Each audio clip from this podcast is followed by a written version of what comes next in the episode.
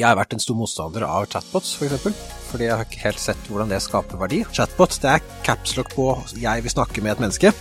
Hvis det er kundetilfredshet du går etter, så er jo det direkte kontraproduktivt, vil jeg faktisk være så dristig til å si. Velkommen til Sisko og podkasten Digitalisering for ledere.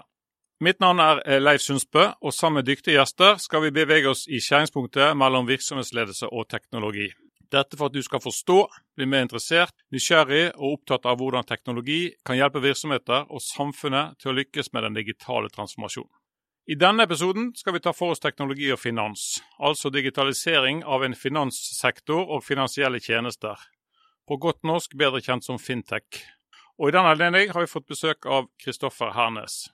Kristoffer er en anerkjent rådgiver, leder og foredragsholder han har hatt flere ledende stillinger innen bank og finans, som bl.a. Eh, Chief Digital Officer, eller kan vi si digital direktør, med ansvar for IT og forretningsutvikling i S-banken, Vice President for strategi og innovasjon i Sparebanken1, i tillegg til en karriere fra konsulentbransjen før dette.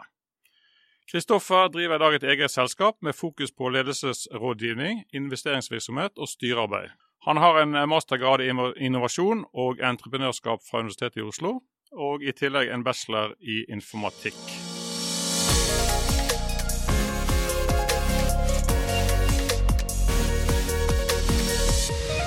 Hjertelig velkommen skal du være, Kristoffer.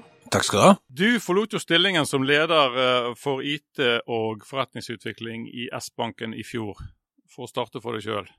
Midt under pandemien. Hvordan var det? Ja, nei, eh, nå var den beslutningen tatt før dette virkelig traff. Eh, så jeg hadde jo en liten sånn tanke her i mars i fjor, eh, hvor jeg tenkte alle dager, hva er det gjort nå? Men for meg så var S-banken en tre til fem års affære med noen veldig klare leveranser som jeg skulle gjøre da. S-banken er kjent i Bergen, min familie bor her i Oslo, så det var tre til fem år var det jeg fikk lov til eh, på hjemmebane, og det var det som jeg også tok meg eh, lov til for å pendle. Så når da vi hadde kommet til et veikryss hvor mine ting var levert, eh, det var en ny strategiperiode, så var det si vinn eller forsvinn, eller all in or nothing. Enten så måtte familien være med til Bergen, flytte til Bergen, reetablere oss og bli bergensere. Det er ikke noe galt med det? Det er ikke noe galt med det. Eller så var det å sette turen hjem igjen, hvor hele storfamilien bor. Eh, og da var det jo å, å, flytte hjem. Det var vekstperioden for banken var vi ferdig med. Eh, man har jo nå sett omverdenen, så har man sett, sett, hvilken periode man skulle gå inn i. Eh, og det er jo vekst som jeg syns er spennende å jobbe med. Rigging til salg er kanskje ikke det Det er gøy, det òg, men ikke sitte på fly hver uke gøy. Kan du si litt om hva du gjør i dag, da? Ja, nå har jo jeg eh, fått lov til å jobbe med mange spennende startups, mange spennende prosjekter. Eh, man har jo alltid en plan. Planen min var å gjøre meg ferdig i S-banken. Eh, egentlig holde det litt sånn under radaren at jeg skulle slutte, så de interne visste jo heller ikke dette her før det hadde gått ganske lang tid, for å holde litt sånn roen i selskapet. Ta meg fri en liten periode, eh, finne ut hva jeg skal gjøre neste, men eh, når du da har vært i corporate life ganske lenge, så var jo liksom hjernen min var jo egentlig fikst på en lignende stilling bare et annet sted. Eh, så det var veldig godt å få den der friperioden som jeg fikk lov til å jobbe med andre bransjer, nye problemstillinger, men hele tiden IT og forretningsutvikling, som du sier, teknologi og ledelse i ett, ved å ha hatt da erfaring på begge sider, som har vært eh, førende. Eh, men jeg kjenner jo energien da, å jobbe med mindre selskaper i vekst. Eh, det å jobbe tett på unge, talentfulle gründere, eh, bruke min erfaring for å da virkelig spille de gode, eh, den gleden jeg får da, å se et talent virkelig, virkelig får brukt sine evner i en startup-kontekst, i en utrolig krevende kontekst, har jo sånn coaching og sparingssamtaler til nærmest alle døgnets tider med disse selskapene, så det er jo noe som virkelig får meg opp om morgenen, eh, som jeg syns er gøy. Eh, og Samtidig så har jeg også jobbet også mye med store, etablerte selskaper med rådgivning, naturligvis.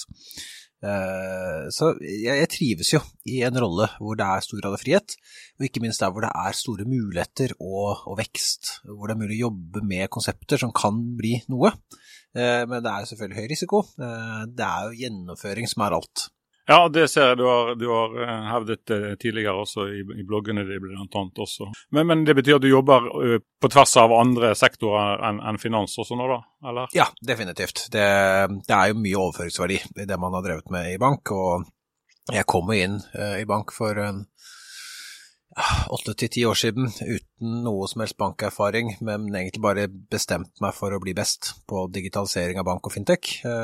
Så det var jo jeg hadde ikke klart det hvis ikke jeg hadde med meg det at jeg hadde jobbet veldig mye med telekombransjen, veldig mye med teknologiselskaper, veldig mye med mediebransjen, eh, hvor mange av de samme trendene formet jo det som da har truffet finans egentlig over lang tid, men som har vært forsterket de siste årene. Der ser jeg også andre bransjer nå, mobilitet mobilitet f.eks., energi, eh, treffes jo av akkurat de samme strømningene i samfunnet, endret brukeratferd, hvordan man velger rett teknologi, det å faktisk ha en teknologiplattform som er det man kaller fit for purpose for formålet. Det gjelder jo både for små og store selskaper. Det er litt sånn som å kjøpe en dress. Eh, du må kjøpe den som passer. For et lite selskap så ser det ikke bra ut hvis du oversizer tech-plattformen din, litt sånn som å kjøpe to størrelser for stor for å vokse inn i den. Det funker ikke. Det funker veldig dårlig for et lite selskap. På samme måte som et stort selskap som har vokst ut av konfirmasjonsdressen, så burde egentlig upsizet for et par runder, runder siden. Så det, det, er en universell problemstilling, eh, og veldig mye av det som jeg har lært ved å ha vært leder for IT, er jo noe som man særlig tar med seg. Eh, en governance, IT-governance som er fit for purpose, eh, et ord som har blitt gjentatt i alle år, men det går aldri av moten. Det å ha riktig IT-ledelse for det formålet selskapet er inne i akkurat nå. Skal du vokse, så krever det en annen setup enn hvis du skal konsolidere. Eh, skal du eh, slå deg sammen med et selskap, så må du være klar for det. Eh, skal du ansette, og ansette raskt, så trenger du riktige strukturene, riktige ledelsesmekanismene innenfor IT-funksjonen din for å lykkes med det. Ja, det høres jo veldig spennende ut. og Vi, vi kommer jo litt tilbake til det, eller vi skal jo snakke om, om primært om digitalisering da, med, senere. Men hva, først, hvordan er det å jobbe med, med norske startups? Jeg har gjort det i mange år, eh, og da jeg jobbet som konsulent tidligere, så var jo det den forrige gründerbølgen. Det var jo en gründerbølge som var før finanskrisen også, for det var veldig hot. Eh, og jeg ser at det er jo et helt annet landskap der ute nå, nå som jeg returnerer tilbake til egentlig mine røtter. Eh, det er et helt annet trykk. Det er en, også en mye større forståelse for at disse gründerne kan ikke gå på lut og kaldt vann og bo i en kjeller og prøve å bootstrappe dette her, så, og det tiltrekker helt andre talenter. Det er helt andre typer mennesker som nå også gründer. Det var dyktige folk da, men det var jo sånn super risk takers. Men nå er det umulig. Nå ser man jo folk hopper av toppkarrierer eh, i store selskaper, anerkjente konsulenthus for å bli gründere og ta en stor risiko. Og talenttilførselen til det å starte eget eh, er jo noe helt, helt annet.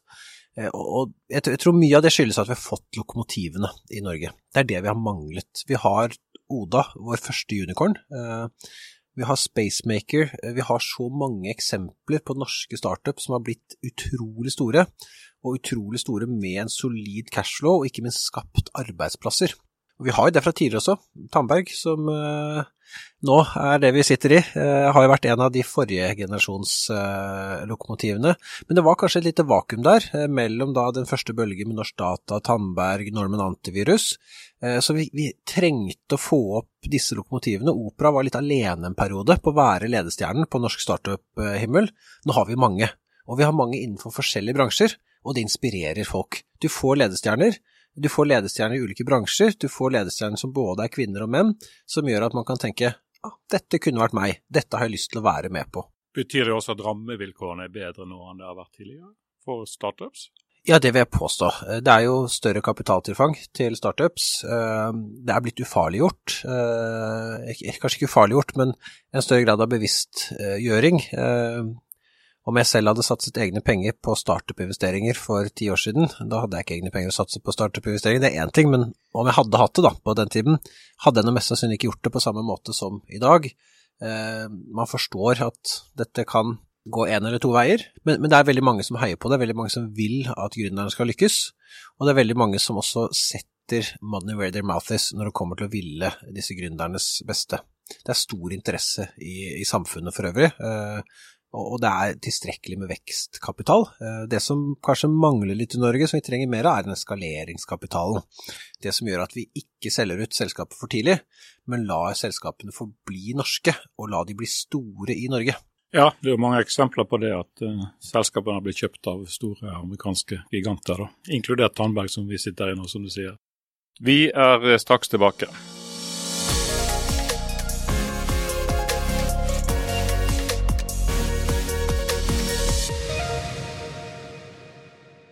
Du sa jo selv eh, til lederne tidligere i år at du foretrekker begrepet digital transformasjon fremfor digitalisering. Hva legger du i det ordet, altså i digital transformasjon? da? Ja, Vi kan egentlig ta bort digital, for det er jo egentlig noe som gjennomsyrer alt, alt vi gjør. Men, men, det er jo å se med summen av alt som beveger seg rundt oss, uh, enten det er regulatoriske rammebetingelser, det er tilgjengelig teknologi, uh, det er brukeratferd, det er avkastningskrav, det er konkurrentlandskapet, det er hvilke partnere du kan jobbe med.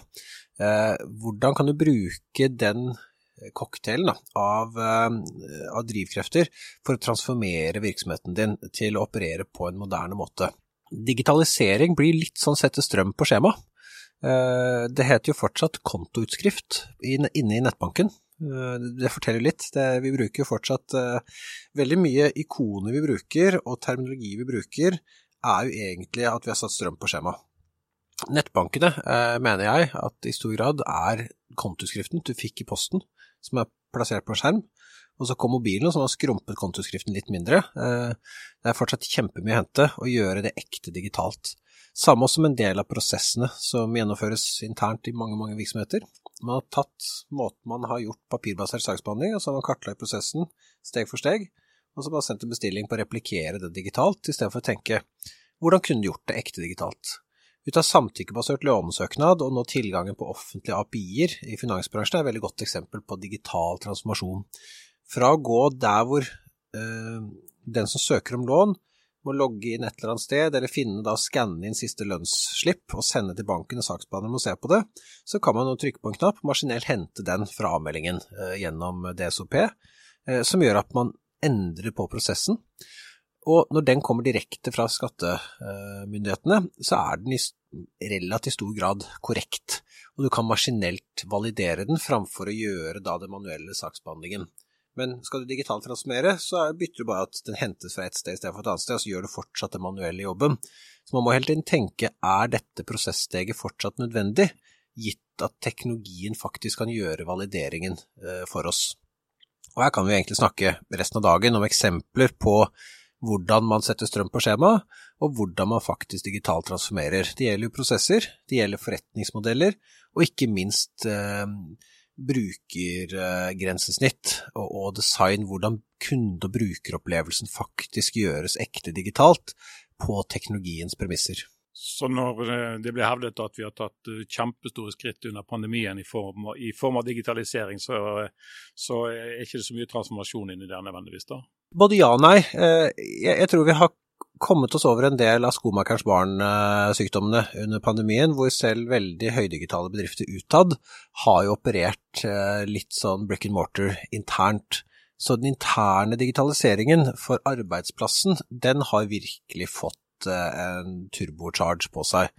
Eh, og det er jo, jeg kjenner jo meg selv, jeg vet jo at den interne digitaliseringen, det lå jo alltid liksom litt nedpå listen.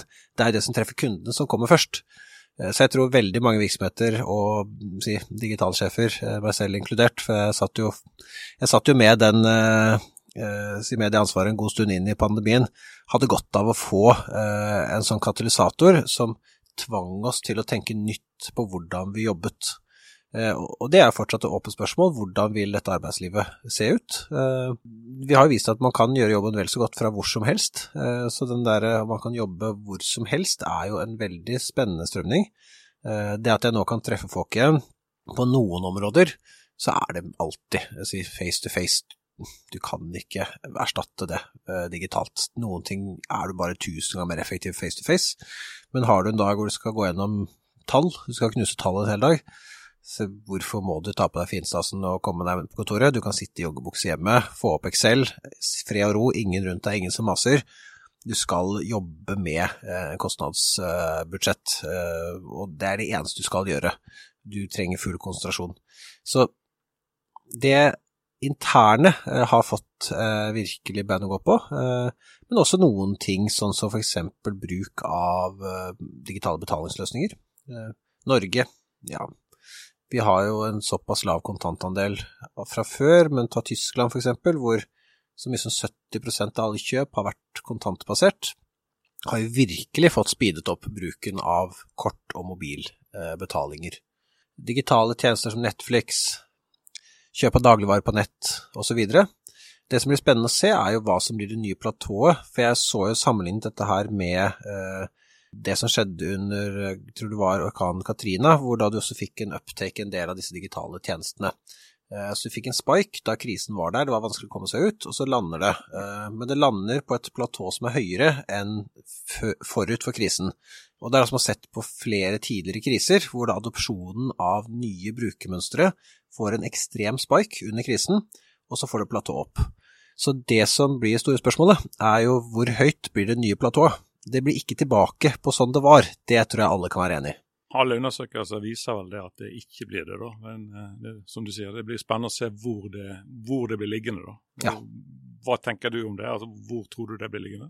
Og vil det ligge, bli hva skal jeg si, stabilt, eller vil det fortsatt være nye platåer da, altså, som, som kommer i mindre skala? Ja, så jeg, jeg, tror jo at uh, vi har fått en påminnelse om at disse sjokkene i markedet de, de kommer når vi minst aner det, selv når vi egentlig ante det. For vi visste jo egentlig at på et eller annet tidspunkt ville noe sånn som dette skje.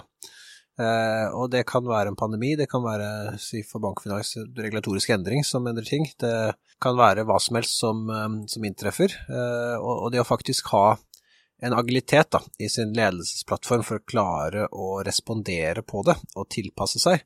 Og, og der syns jeg norske virksomheter har vært veldig dyktige. Eh, selvsagt de som har hatt muligheten til det. Så har jeg veldig omtanke for de som har bare blitt bedt om å stenge ned. Eh, og blitt veldig Nå er jeg jo småbarnsfar, så jeg er ikke, jeg er ikke så mye uteliv på meg, men eh, Eh, jeg ble oppriktig glad på utelivsbransjen og restaurantbransjens vegne da endelig Oslo kunne åpne opp igjen, og all ære til de som har klart å stå i det i en periode som har Du har ikke hatt lov til å drive med det du egentlig har en passion for, det du drømmer om, og kostnadene som bare rent ut.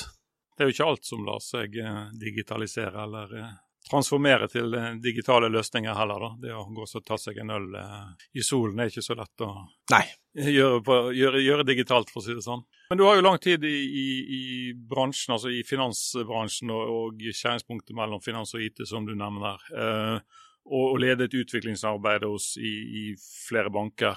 Og bankene har jo vært veldig flinke de senere år til å ta i bruk digitale løsninger. altså Når Rune Bjerke sier at han driver ikke en bank, han driver en IT-virksomhet, altså, så, så, har jo bankene vært flinke.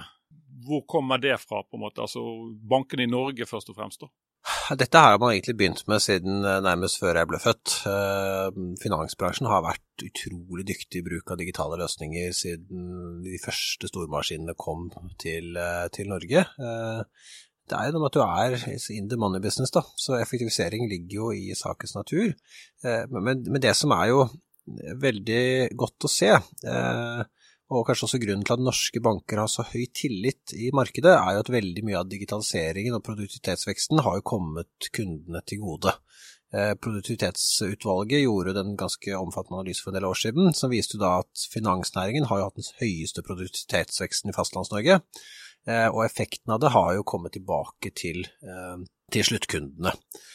Men med det som kanskje eh, var litt tilfelle for noen år siden, at man var veldig tilfreds med fortidens storhet, og det er jo kanskje en av de store utfordringene som selskaper som har vært flinke digitalt får, at man blir veldig, veldig fornøyd med seg selv for at man klarte å ri liksom forrige bølge. Det, det å tidsnok rigge seg for at teknologi eh, Disruptive Innovation er den boken alle har lest, men det er jo egentlig bygget på det som kalles for S-kurver, som er jo teknologiutvikling, at du får et nytt teknologiparadigme som du må hoppe på. Eh, fra stormaskin til PC. Eh, Norsk Data klarte ikke det. Digitalkameraene klarte å utkonkurrere Kodak, men digitalkameraprodusentene hadde lite å stille opp med mot smarttelefonen med et innebygd eh, kamera. Fra filial til nettbank, eh, fra nettbank til mobilbank. Mobilbank som enn en nedskalert versjon av nettbank med faktisk mobil brukeropplevelse. Så du ser jo denne si, historien gjentar seg ikke, men den, den, rimer. Det skjer gang på gang at det kommer et nytt paradigme, og det det handler om er å klare å time det rett. Fordi sånne som meg, som er veldig teknologiinteressert eh, og litt utålmodige, er jo alltid litt for tidlig ute.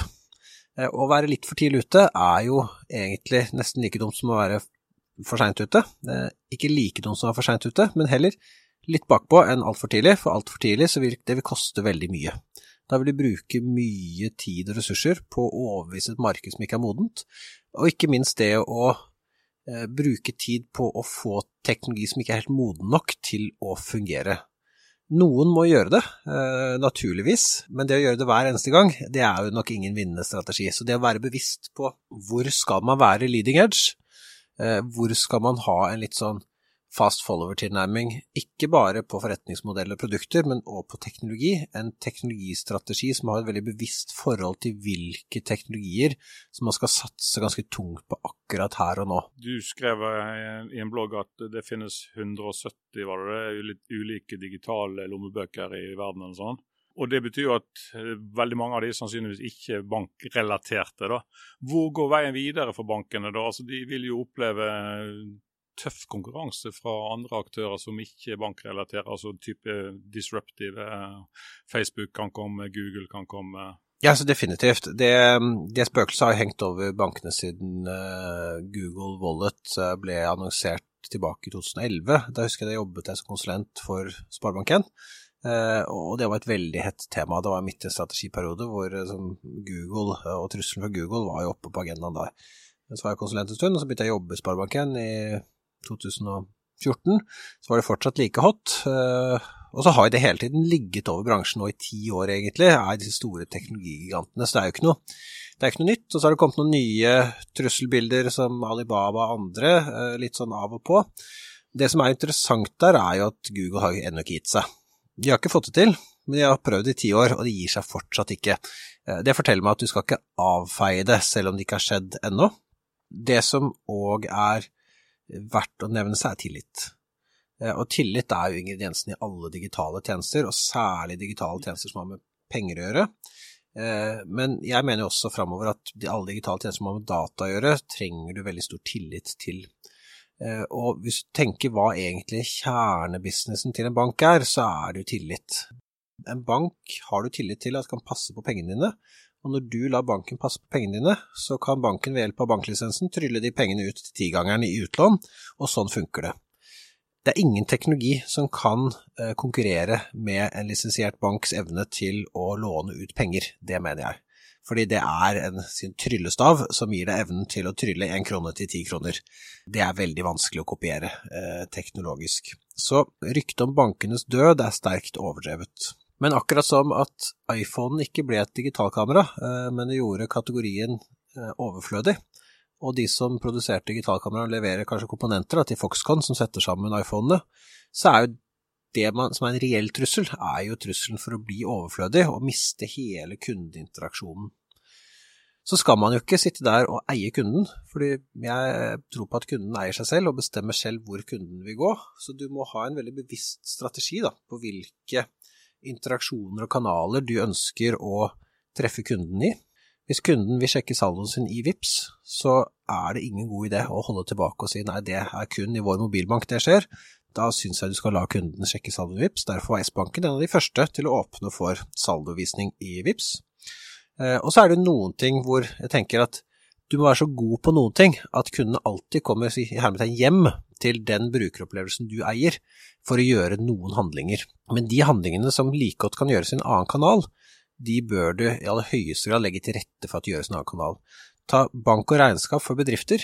Det å åpne for at du kan gjøre så mye som mulig i regnskapssystemet, det er veldig klokt. Jeg fører mine egne regnskaper, og jeg synes det er helt fantastisk å bruke fiken, som er helintegrert med banken i bakkant, så at jeg slipper å rote så jeg vil ikke være i nettbankbedrift. Det er ikke noe godt sted å være, men regnskapssystemet mitt, det forstår jeg. Der kan du føre regnskap på en god måte, og så gjøres den integrasjonen i bakkant.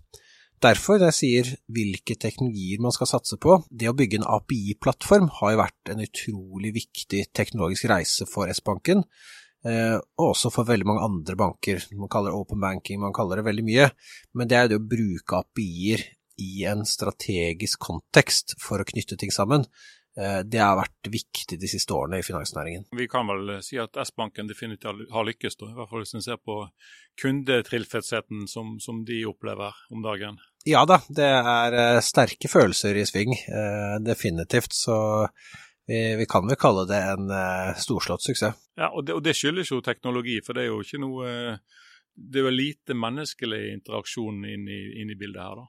Ja, Nå skal jeg faktisk gi del kred til uh, S-bankens fantastiske kundesenter. Vi som satt i ledelsen, vi satt uh, obligatorisk på Medlitt og hørte på hvordan det fungerte uh, årlig. Uh, og det hadde nok ikke vært den samme kundetilfredsheten hvis ikke du hadde et menneske du kunne komme i kontakt med rimelig kjapt når det først var noe. Du skulle være så selvhjulpen som mulig. Men når noe faktisk, når du trengte hjelp til noe, så skulle vi alltid være der. Eh, og det var en viktig føring. Og igjen tilbake til noen ting bør være heldigitalt og bør ikke ha noen menneskelig interaksjon i det hele tatt, hvor menneskene bare er forstyrrelse. Men du kan ikke digitalisere den pilsen i solen. Du kan heller ikke digitalisere den kundeservicen du har behov for og ønsker å få når du virkelig trenger hjelp, og det tror jeg er viktig å ta med seg. Jeg har vært en stor motstander av chatbots, for eksempel fordi jeg har ikke helt sett hvordan det skaper verdi. Og jeg vet jo selv hvilke følelser som begynner å boble når jeg sitter og prøver å komme gjennom chatbot. Det er capslock på 'jeg vil snakke med et menneske', og, og det er jo direkte Hvis det er kundetilfredshet du går etter, så er jo det direkte kontraproduktivt, vil jeg faktisk være så dristig til å si. Ja, det kan jeg være 100% enig med deg Altså, jeg har uh skrevet mye rart inn i de chatbotene jeg også, altså for, å se, for, for, å prøve å fremprovosere menneskelige reaksjoner, men, men, det skjer jo ikke. Uh, så jeg er ikke sikker på om det bidrar til læring av den chatboten heller, da, men det er en annen sak. Dette er jo et, et, et omfattende tema, og du kommer jo tilbake hele tiden til med, med kundeopplevelsen og en outcome. Dette må jo være overførbart til alle andre bransjer, egentlig, tenker jeg. Det, definitivt. Og, det å jobbe eh, kundenært, da. Det er jo det er jo ikke så mange eh, bedrifter i Norge som jobber så mye B2C, særlig digitalt. Der, der har særlig bankene vært tvunget til å være digitale business to konsumbedrifter i lang tid. Eh, og det, det, er jo en egen kunstform, eh, for det er veldig lett å sette seg selv i førersetet og tenke at jeg er kunden. Eh, men jeg jobber jo med bedrifter i dag, og konsepter og prosjekter i dag som også henvender seg til slutt sluttkunder, konsumenter. Så jeg må minne meg selv hver eneste dag på at det er ikke meg selv jeg lager denne tjenesten for. For det er veldig lett at man sier ja, dette vil jeg ha. En sånn særing som meg, det, jeg skal ikke lage noe for meg. Det finnes flere av meg, men det finnes ikke nok av meg til at dette blir en uforbeholden suksess. Hva skal det være for hvem? Må hele tiden være noe du tenker gjennom for å lage gode digitale brukeropplevelser. Men hvordan skal en liten bedrift gå frem da for å gjøre dette? For det, det kreves jo Da må i hvert fall he, hele virksomheten være involvert, regner jeg med, og, og, selvfølgelig ledelsen også? Nei, jeg tenker Du må ha en visjon for hva du skal, en, hva skal det være for hvem. Den visjonen må være til stede. Du har jo gode metodikker. Jeg er veldig veldig fan av lean startup-metoden. Anbefaler alle å lese den boken. Eh, både lese den, men ikke skumme den, lese den skikkelig og internalisere den, og egentlig bare tenke at Lean startup er jo vitenskapelig metode som er skrevet i amerikansk business-lingo, så det er en snarvei til å ta en mastergrad på Blindern når det kommer til arbeidsmetodikk. En hypotesebasert tilnærming eh, som egentlig er stikk i strid med den der innovasjonstype eh, vi skal bare si ja og tenke utenfor boksen, for det går egentlig ut på å prøve å falsifisere ideen din eh, så mye det lar seg gjøre. Eh, det er ikke noe sånn ja og der. Der er det ok, du må teste, du må ha eksperimenter hele veien se vil kundene ha dette eller ikke. Jeg har fulgt det eh, i, i, mange settinger. Det heter Lean Startup, men jeg mener at den funker faktisk bedre for større bedrifter som ønsker å lansere nye features, nye produkter. Veldig vanskelig egentlig for en liten bedrift som ikke har noen ting. Eh, for da må du ta et leap of faith på det som er kjerne, eh, kjernekonseptet ditt. Eh, og det å være tro til kjernekonseptet og innovere rundt det, det er en vanskelig øvelse. For det er veldig lett hvis du ikke helt treffer blink, i stedet for å da prøve å justere kjernekonseptet, så begynner man å legge på features. Og alle vet jo det, at etter hvert så blir det veldig mange nettverksmenyer. Og der har du ganske omfattende forskning som har sett på tusenvis av softwareprosjekter, eh, og sett at 40% av alle features som blir lagt inn, brukes aldri. Eh, Microsoft brukte det her da de endret på hele Office-look and feel, sånn tilbake i 2008 var det kanskje. Så var plutselig Excel, Word, PowerPoint helt annerledes. Fra en dag til en annen, nærmest. superfrustrerende for meg som var konsulent da, og levde egentlig livet mitt i PowerPoint og Excel. Men etter en ukes tid så skjønte jeg at dette var supersmart, for de har tatt bort masse greier. Det er ikke så mange som savner WordArt, tror jeg, eh, og en del andre sånne features som var lagt på. Så feature creep er jo fienden til de gode brukeropplevelser, eh, og det er jo kompleksitet som ofte ødelegger for å lage den fantastiske opplevelsen som brukerne elsker. Så hvorfor vant Google? Eh, det var liksom ett søkefelt med søk eller jeg prøver lykken, i en tid da Altavista hadde så mange linker at du visste knapt hvor du skulle trykke. Ta et Apple-produkt hvor vanvittig eh, obsessed Steve Jobs var på at det skulle være enkelt hele veien, det skulle være ekstremt enkelt, ekstremt intuitivt. Da iPhone ble lansert, så tror jeg Nokia hadde 17 ulike modeller på markedet på samme tid. iPhone kom som én modell da den ble lansert. Det var superenkelt. Litt sånn som første T-Forden. Uh, you can have any color you like, as long as it's black. Det betyr jo at en også må involvere mange flere enn de som sitter som utviklere, eller de som ser, tenker at denne gadgeten eller denne featuren er, er kul å ha hvis brukerne ikke er enig. det. Altså, du trenger dyktige mennesker, rett og slett. Du trenger dyktige mennesker som klarer å se forbi seg selv og hva man selv syns er kult, og evner å da akseptere at den drømmen som dette hadde vært veldig kult, det kan ikke være. Eh, så jeg har vært i en situasjon 100 ganger. Eh, et eksempel som jeg liker å bruke, er at i en versjon av nye mobilbanken, eh, S-banken, så hadde vi et sånt forbrukometer. Jeg synes det var så kult. Det kunne da se om du var vågal, eller om du var sparsommelig, eller sånn, sånn helt bit på treet. Så vi hadde jo da 20 000 beta-brukere som testet den nye mobilbanken, fordi vi må teste disse tingene før vi slipper det til alle. De hatet jo, ingen som likte den. Alle vi internt syntes det var dritkult. Så vi satt der liksom litt på overtid på kveldene og forfint algoritmen på hvordan vi skulle måle dette her, og sånn avvikstilfelle, hvordan plasserer vi det Så det, algoritmen ble jo mer og mer og mer avansert. Så liksom fra sånn bruk av dataperspektiv så var det jo superspennende arbeid internt Nei, brukerne vil ikke ha det. Så vi brukte jo Vi hadde jo den nye mobilbanken i beta i kanskje et års tid før vi da eh, låste ned at nå har vi truffet noe som funker. Nå skriver vi om nesten all koden, fordi noe som er skrevet for 20 000 brukere skalerer ikke til en halv million brukere, så vi måtte lage den skalerbar. Eh, men det var ikke flere features i det som ble sluttversjonen enn eh, den første versjonen, det var færre. Så den var faktisk tatt vekk veldig, veldig mange ting, og vi så at framfor at det skulle være masse fancy features på dette er prognosen på spendingen din, og dette har du brukt pengene på, og dette er abonnementene dine. Lastetid for å logge inn, fra sekunder til millisekunder, det brukte vi enormt mye tid på. Så det er liksom de små detaljene eh, som gjør en god digital brukeropplevelse. De har øye for det, eh, og det som leder også, aksepterer at ja, men dette her er viktig. Eh, hvis det betyr at vi kan få ned lastetiden ved innlogging fra to sekunder til to millisekunder, ja, men da venter vi og lanserer i to måneder hvis det er to måneder det tar.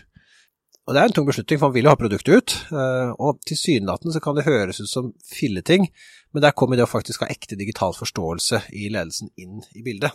At dette her er en viktig parameter. Det er jo et enkelt eksempel i denne dialogen, men du kan jo ramse opp veldig mange av de, og så er det jo da også øye for hva er det som er viktige eh, sånne hensyn å ta, og hva er det som er bells and whistles som blir å sitte og polere for lenge? Der er det jo eh, en kombinasjon av instinkt, eh, fakta, eh, det å ha data innsikt fra kundene, og empiri, rett og slett, og litt erfaring på hvordan dette har gått flere ganger. En, en miks der som er liksom litt sånn intangible. Å ha det i teamet, på tvers av teammedlemmene, vil jo være en viktig faktor for å lykkes. Men bankene har jo vært digitale som du sa, ganske lenge og, og jobbet mye med det. Og, og, har kanskje penger og ressurser til å gjøre det her. og, og tidligere episoder av podkasten vår så har vi snakket om kompetanse og mangel på kompetanse. Altså Det krever jo ganske mye digital kompetanse i en organisasjon for å forstå alle de elementene som du nevner her. da. Og, det er jo ja, vi, har, vi, hevder jo at Norge er utsolgt på digital kompetanse, da, men, men altså, hvordan kan en tilegne seg og hele tiden hva skal jeg si, utvikle seg inn, utvikle digital kompetanse i virksomheten som i utgangspunktet har et annet formål enn å jobbe med hva skal jeg si, IT og digital transformasjon? Ja, så Jeg jobbet jo deltid som IT-sjef eh, en uh, veldig liten digital bedrift for veldig mange år siden da jeg var student. og Da var liksom seingen av alt som gikk på strøm var IT-sjefens uh, ansvar. Uh, jeg, jeg, tror det er veldig viktig at man kommer dit hvor sier, digital det er ikke det å ansette en digitaldirektør og tenke at det, det er den personens ansvar. det er ikke en vinnende strategi. Du må ha den nysgjerrigheten på tvers av organisasjonen. du må ha en erkjennelse om at dette kommer til å treffe absolutt alle. og si, bank er jo en kunnskapsnæring i utgangspunktet, så sånn sett så er man jo veldig godt rigget for å ta det spranget. Eh, det er jo mange spennende eh, verktøy nå, type no-code, low-code-verktøy, hvor da man tidligere lagde kredittavdelingen lagde kredittmodeller i Excel, sendte det til IT, og så skulle IT hardkode det inn. Hvor man kan da ved enkel koding eh, med Python, det er ikke vanskelig for en kredittanalytiker å lære seg enkel Python-programmering, begynne å være mer selvbetjent på bruken av digitale plattformer.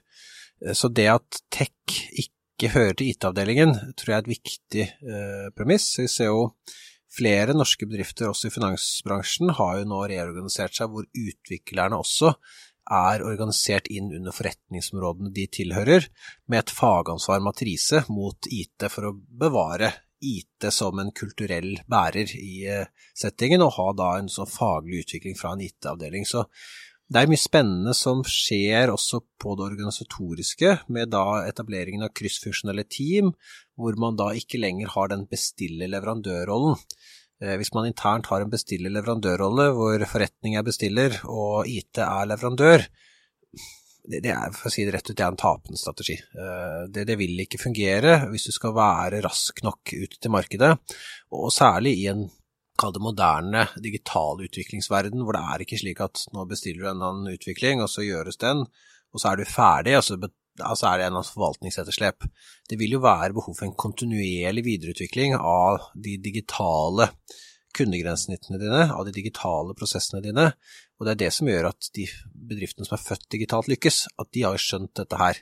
Det er ikke rykk og napp, og så flytter de utvikleren til et annet sted, og så er det området som da hadde en liten peak en periode, så må de gå liksom og gresse en liten periode før de da får tilført utviklingskompetanse, kanskje om to år igjen. Så det betyr at utviklingsavdelingen, eller de som tradisjonelt har jobbet på IT, også må ha en større forståelse for, eh, for forretningen, egentlig? da? Det, definitivt. Eh, det var jo viktig også da så jeg skalerte opp og ansatte ganske mange utviklere. Så det å raskt få uh, utviklere som forsto bank, uh, at det er uten forretningsforståelsen så er det vanskelig å virkelig få de gode teamene. Du må forstå konteksten som du jobber i. Da vil du virkelig få effekten ut av, av, eh, av et kryssfunksjonelt team. I en av bloggpostene dine så sier du at uh, in a world of digital ecosystems, data is the raw material that fuels the digital economy. Her ligger det jo sannsynligvis mye forbrukermakt og, og også ansvar på, på aktørene. og, og at selvfølgelig dataene blir ivaretatt på en trygg måte. En av grunnene til at Facebook og eh, Google er interessert i å drive med, med, penger, kan jo være at de ikke er så interessert i pengene, men er interessert i dataene. Da. Det, er jo, det er jo primært det de lever av. Så, så hvordan kan vi sikre at vi, at vi, på en måte har kontroll på dette, at de nye aktørene som, som dukker opp, har hva skal jeg si, kontrollordninger og mekanismer på plass for å ivareta dataene. og det er jo litt det er forskjell her også mellom USA og, og EU på, på, akkurat den biten der, med personvern i EU og fullt innsyn i USA, for å si det sånn. Ja, nei, vi beveger oss egentlig inn i en full podkastepisode med det spørsmålet, spørsmålet der. Så jeg, så jeg tenker hvor, eh, hvor, hvor, hvor, skal man, hvor skal man begynne? Det, det, er helt riktig at det er, eh, som det heter på godt engelsk, et uneven playing field når det kommer til bruk av data i verden. Så EU er én ting, USA en annen ting, og så har du Kina som har egentlig full frislipp. Eh, hvor man da har et ekstremt tempo på utvikling av datadrevne tjenester. Men hvis vi spoler tilbake til sine norske store virksomheter, hvor man skal starte eh, som leder, eh, og min hypotese hvorfor veldig mange av de digitale bedriftene som kommer, ofte stikker av liksom i racet og virkelig tar en lederposisjon, er jo at små bedrifter kan begynne fra scratch. Eh, det er veldig populært å snakke om ulike kognitive biaser i ledelsesteori om dagen. og hvem av de kognitive biasene som egentlig fører til denne konklusjonen, det vet jeg ikke, men det som jeg ofte hører er eh, si en illusjon om at man sitter på en gullgruve av data fordi man har vært, vært der lenge. Eh, og den gullgruven kan like å kalle en søppeldynge, fordi det er ja, du har masse data, du har masse historiske data, det er 10-20 år bak, bak, i tid, men data er ferskvare. Så du skal bruke betalingsdata for å si noe om min atferd. Måten jeg brukte penger på for ti år siden, forteller ingenting om hvem jeg er i dag. Eh, og sånn er det nok for veldig, veldig mange mennesker. Eh, så det å faktisk Igjen tilbake til kompleksitet, det er fienden til gode, gode digitale tjenester. Det, det, å begynne i det små. Eh, jeg liker når jeg jobber nå med både store selskaper og små selskaper, bare sånn drit i big data. Small data, små datasett, det kan du faktisk skape veldig mye spennende ut av. Enkle parametere på hvem du er, enkle parametere på si, hva, du, hva, du, gjør, og enkle parametere på hvor du er det er tre ganske kraftfulle, eh, kraftfulle små eh, datasett med enkle datapunkter. Eh, et eksempel som jeg har likt eh, å bruke og gjennomføre, er jo eh, betalingsdata. For de som har barn, så kommer denne barnetrygd inn på konto på et eller annet tidspunkt. Ved å da ha et godt samtykke, for det må du ha, at vi ønsker å gi deg gode råd basert på din atferd, Aksepterer du det ja eller nei? Jo, hvis du sier ja, så bør jo alle banker bør da ha mulighet til at når de ser det barnetrygden kommer inn på konto, hvis den bare renner ut i sanden, har du lyst til å sette det her inn på en fondskonto for å spare da for å gi en god start på voksenlivet til din sønn-datter. Det blir neppe noe enklere å kjøpe bolig 18 eh, år fram i tid enn nå. Så det finnes så, så enkle spørringer man kan gjøre som kan eh, som kan gi veldig god effekt, som kan gå fra et statisk brukergrensesnitt til å faktisk ha en datadreven dialog med kunden. Eh, det er jo ikke en chatbot engang, det er en dialogboks som kommer opp, og så kan du velge ja eller nei. Og ordlyden som du bruker der, det er altså du må jobbe veldig fintunet. For vi sjekket jo da på ordlyden på denne type dialogbokser med OK, det konverterte ganske dårlig. Ja, det var lurt. Det kvarterte veldig, veldig bra det at det har vært et såpass øye for den type detaljer, er også kanskje noe av grunnen til at S-banken har en så god suksess i det, i, i det, digitale. For det er lett å bare tenke at hvis vi tar ja, men det å tenke et steg videre hvordan kan vi gjøre det så menneskelig som mulig, da, eh, uten at vi later som det er et menneske, på måten vi kommuniserer helautomatisk og digitalt? Mange gode råd til eh, mindre virksomheter. Da, og, begynne i det enkle. altså det de som sitter nå og lurer på hvordan de skal komme i gang med sin digitale transformasjon. da. Så de, de bør se på de, hva skal si, de nære, de nære forholdene. Ja, for både små og store, tenker jeg. Eh, for, det som er utfordringen når du skal sette på dataplattform for stort selskap, og du tenker at du har mye historiske data, er at det er alltid mye feilkilder i stedet for å bruke veldig veldig mye tid på å rydde opp i feilkilder og få et 100% korrekt datasett, så identifiser hvor stor andel av det datasettet du har, da. Kan du være sånn relativt trygg på at det er tilnærmet feilfritt? Hvis det er 20% av dataene du har, ja, men da kan du begynne å jobbe med de 20% For da kan du begynne å jobbe med å utvikle noe direkte ut mot kunde, noe som skaper forretningsverdi, i stedet for å sitte i en evigvarende ryddejobb.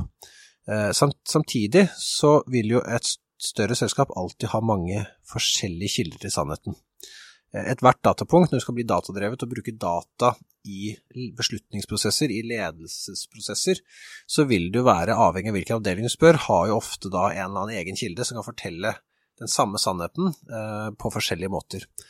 Og det å sette seg ned og bli enige om hva som er den ene kilden til sannhet, eh, det er en øvelse som jeg har gjort et par ganger, eh, og vært veldig åpen på at så jeg har ingen følelse hvilken av disse kildene vi velger, men det eneste som er viktig, er at før vi går videre, så må vi bare enige om at da er det den.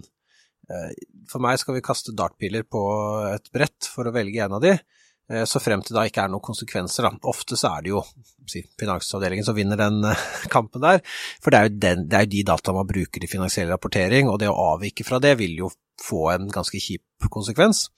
Men da er det det vi bruker, da. Da bygger vi videre på dette, fordi dette er den sannheten som er tettest på det vi blir målt på. Nå eh, begynner vi å nærme oss slutten, Kristoffer. Jeg tenkte jeg skulle ha snakke litt og spørre deg litt om krypto til slutt. da. Det er jo veldig i tiden akkurat nå, eh, rundt eh, ja, krypto og, og som betalingsmidler, og, så, og, at det koster kloden mer, eller det koster mer å generere bitcoin enn det det faktisk bitcoin er verdt, og, og Elon Musk rast ut og rast inn, eller rast inn og rast ut, og, og Facebook satser på krypto. Altså, hva, hva, er dine tanker rundt krypto? Jeg vet ikke start, jeg har fulgt med på dette her siden 2013-2014, så jeg har jo vært fascinert over det en god stund. Eh, var fascinert over helt siden bitcoin var i, si, helt i spedbarnsstadiet, nettopp fordi de løste det som var sett på som et uløselig problem i den digitale verden, at du kan sende fra deg penger uh, uten clearing, uh, hvor alt tidligere måte å sende verdier, sender du en kopi, men du faktisk kan få uh, en digital verdi til å bytte hender på en sikker måte. Så var det veldig mange teoretiske applikasjonsområder som kom opp på den tiden, for nå jeg føler meg gammel, jeg ser hvor lenge siden, lenge siden, syv år siden. Uh, da jeg virkelig satte meg inn i det, var i 2014. Og så har det vist seg at som med alle ting, så er jo teori og praksis litt ulike ting. Back then så var alle som var så interessert i krypto og blokkjede, helt overbevist at dette kunne løse alle hodepinen til mediebransjen og alt mulig på mikrotransaksjoner, for nå kan du gjøre sanntidstransaksjoner, sanntidsoppgjør, til nær null kost. Du kan betale ti øre for hver artikkel du leser og alt mulig. Det har vist seg å være helt feil. Eh, det er jo steindyrt å verifisere en transaksjon på eh, en blokkjede. Eh, og det gjelder jo ikke bare bitcoin, men det gjelder jo enhver blokkjede som kommer opp i en viss skala, får et skaleringsproblem. Så det er en del utfordringer der. Det er jo en del av de type høynivå use-casene for teknologien som viser seg at du trenger jo egentlig ikke denne teknologien, men det har vært en katalysator for å tenke ekte digitalt, tilbake til der vi, der vi begynte. Eh, men fortsatt er jeg fascinert av den tanken at du har muligheten til å representere noe eh, digitalt med verdi som kan være unikt. Eh, sånn type non-fungible tokens, hvor du har kryptokunst osv., eh, mener jeg at har livets rett. Eh, jeg forstår ikke helt, for jeg liker å ha kunsten min på veggen. Eh, men jeg ser det veldig i en gaming-kontekst. Eh, hvis du tenker Fortnite og veldig mange av de populære spillene, så kjøper jo da spillerne type egne skins til karakterene sine. Det å faktisk kjøpe en NFT-skin, så du vet at du er den eneste i verden som har den ene skinen Jeg ville aldri kjøpt det selv, men jeg ser det kommersielle potensialet. Jeg ser at dette her har et applikasjonsområde som noen kommer til å like. Eh, og det at du har nå vært gjennom såpass mange bølgedaler, eh, beviser at teknologien er her for å bli. Eh, men hypen som pågår akkurat her og nå, er jo helt identisk til den hypen som pågikk eh, da bitcoin lå rundt 20 000 i 2017-2018. Eh, og derfor er jeg litt skremt. Så jeg, jeg, ser jo nå som bitcoin har dalt fra 65 000 til 37 000 dollar som var i dag. Eh, sikkert noe helt annet når denne podkasten går på lufta. Så ser man at nå er det en ny bølgedal som man treffer. bitcoin kommer til å overleve mange av de altcoinsene kommer til å gå, gå dukken. Eh, så, så, jeg følger med eh, som litt sånn teknonerd og veldig fascinert over teknologien. Men eh, tilbake til hvor du skal være first mover og så videre. Eh, jeg leser om det, jeg leker litt med programmeringsspråket. Eh, men enn så lenge så trenger jeg å si at det er mer bevist før eh, jeg ville applisert det. Tusen takk til Kristoffer, og tusen takk for at du lyttet til oss. Eh, denne episoden ble spilt inn 10.6. Vi er tilbake igjen med en ny episode av Digitalisering for ledere om to uker. Og For at du skal være sikker på at du får med deg eh, den neste episoden og øvrige episoder, bør du abonnere nå.